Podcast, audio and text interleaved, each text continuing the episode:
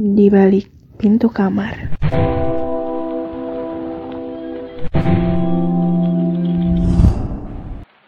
Ekspektasi.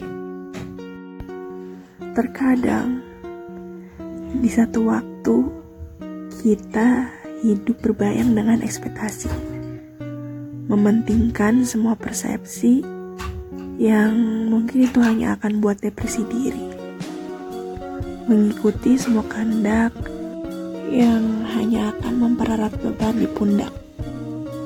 Akhirnya apa?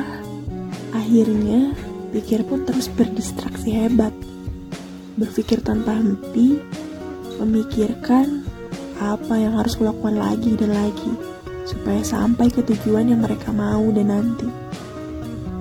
Hei hei, yang perlu kau tahu pasti, hiduplah sesuai apa mau diri. Cukup kamu jalani apa maunya hati. Percaya dirilah dengan langkah yang pasti. Bukan percaya dengan celotehan orang yang tak ada pastinya. Bukan pula apa yang mereka reka sendiri. Karena hidupmu, ya punya diri kamu sendiri. Bukan tentang orang yang berespektasi terhadapmu, bukan pula persepsi orang tentang